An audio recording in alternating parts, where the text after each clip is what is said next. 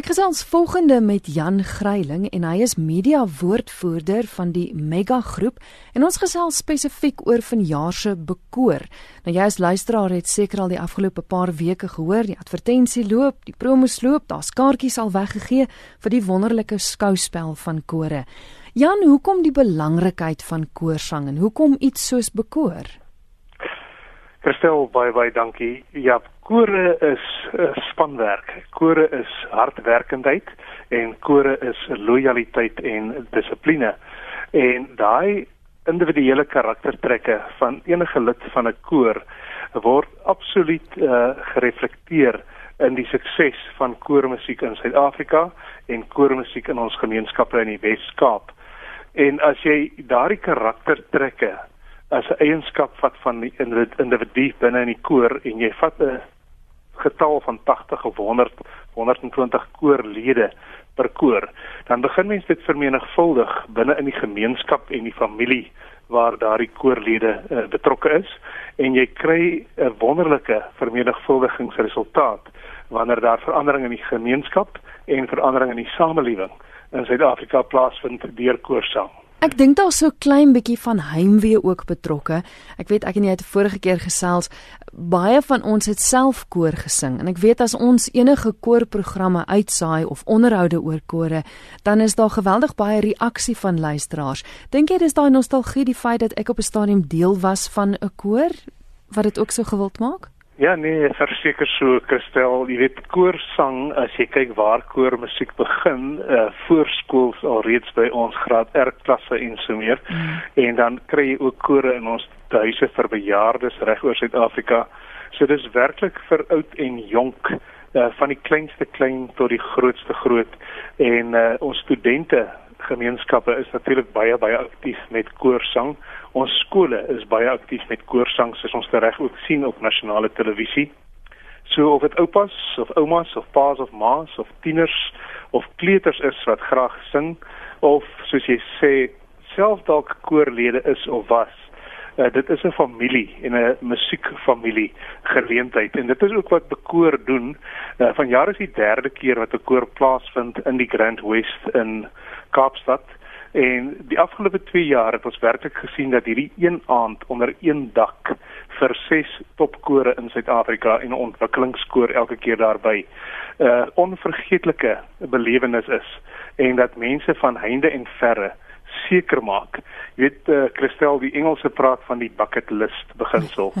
ja. En jy moet regtig seker maak dat as jy nog nie bekoor as 'n koorskouspel bygewoon het nie, dat dit deel van jou bucket list word en dat jy van jare 2016 of as gespaar is voorkant toe verseker 'n uh, gehoor lid word by bekoor en kom uh, beleef dit onder een dak net vir een aand.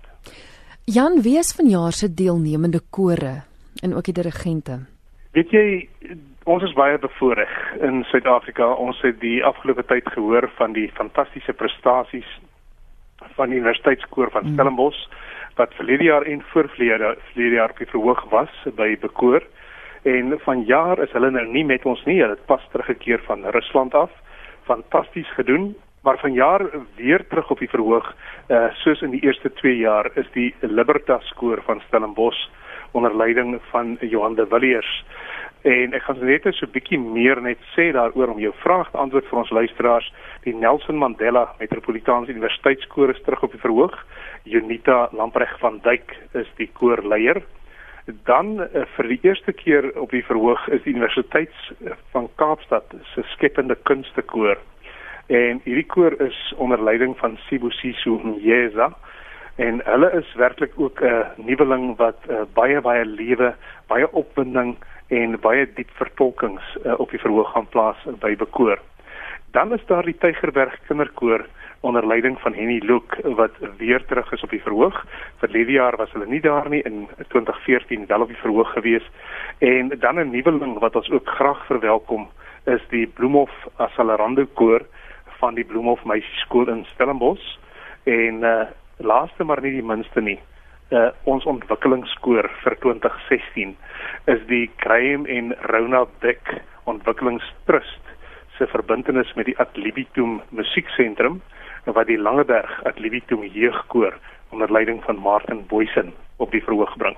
Vir die van ons wat nou nog nie 'n bekoor kon bywoon nie, hoe werk die aand? Kry elke koor letterlik kans om op te kom, hulle deel te doen, sing hulle op 'n stadium saam? Hoe werk dit? Die bekoor resep wat gebruik word die afgelope 2 jaar, die is heeltemal buigbaar en dit word ook aangepas om die gehoor absoluut te boei en interaktief betrokke te hou soos byvoorbeeld wanneer daar afgesluit word met 'n uh, optrede waar die gehoor die nasionale volkslied saam sing. Vanjaar gaan ons die program nog meer vaartbelyn maak as die vorige 2 jaar. Ons gaan dit vinniger en gouer laat gebeur deurdat daar nie noodwendig aanbieders op die verhoog is van die aand nie, maar die kore uh, onderling uh, tussen mekaar die verhoog uh, ruil en aankondigings uh, dan net gedoen word van agter die skerms.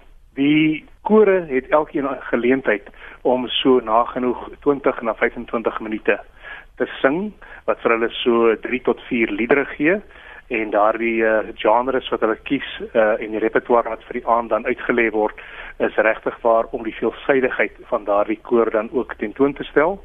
En dan van jaar vir die eerste keer iets wat ons eintlik na streef al van jaar 1 af maar baie opgewonde is uh, vanjaar is die massakoor mm. optrede waarmee bekoor afgesluit gaan word.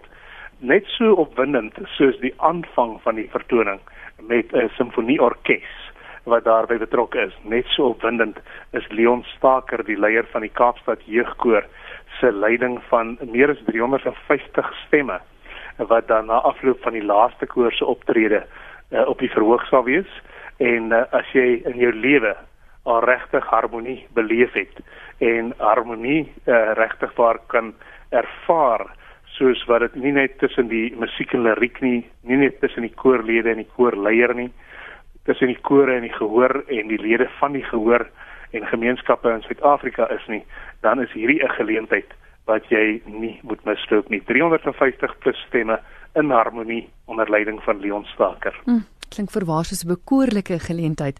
Jan, om af te sluit, die programsamestelling, jy het nou gesê elke koor het sy repertorium wat hulle saamstel, maar is daar 'n globale iemand wat sorg dat alles bymekaar inpas, dat daar nie herhalings is nie. Hoe werk die hele programsamestelling? Die projekleier is uh, van Herden Jenus en 'n noue oorleg met die koorleiers word daar keuse gemaak binne die raamwerk van die tema van die betrokke jaar wat vanjaar dan nou harmonie is gekoppel aan daardie tema Christel uh, word daar gesorg dat daar nie duplisering sal wees of herhaling sal wees van dieselfde liedere deur verskillende kore nie en dan is daar natuurlik 'n fokus op dit waarmee daardie koor in besonder goed is. Mm. Jy weet die Libertas koor het sy unieke uitstaande uh, karakter en hulle reflekteer begrip, respek en vertroue tussen Suid-Afrikaners. Die Nelson Mandela Universiteitskoor het tot stand gekom in April 94 en dit is werklik 'n spieelbeeld van Suid-Afrika soos ons dit vandag ken binne die raamwerk van die baanbrekerswerk wat oud president Nelson Mandela ook gedoen het. Mm. En hulle het terloops ook die klankbaan opgeneem vir 'n Noorse fliek wat oor die lewe van oud president Nelson Mandela gegaan het so. en op Robben Eiland uh, geskied is.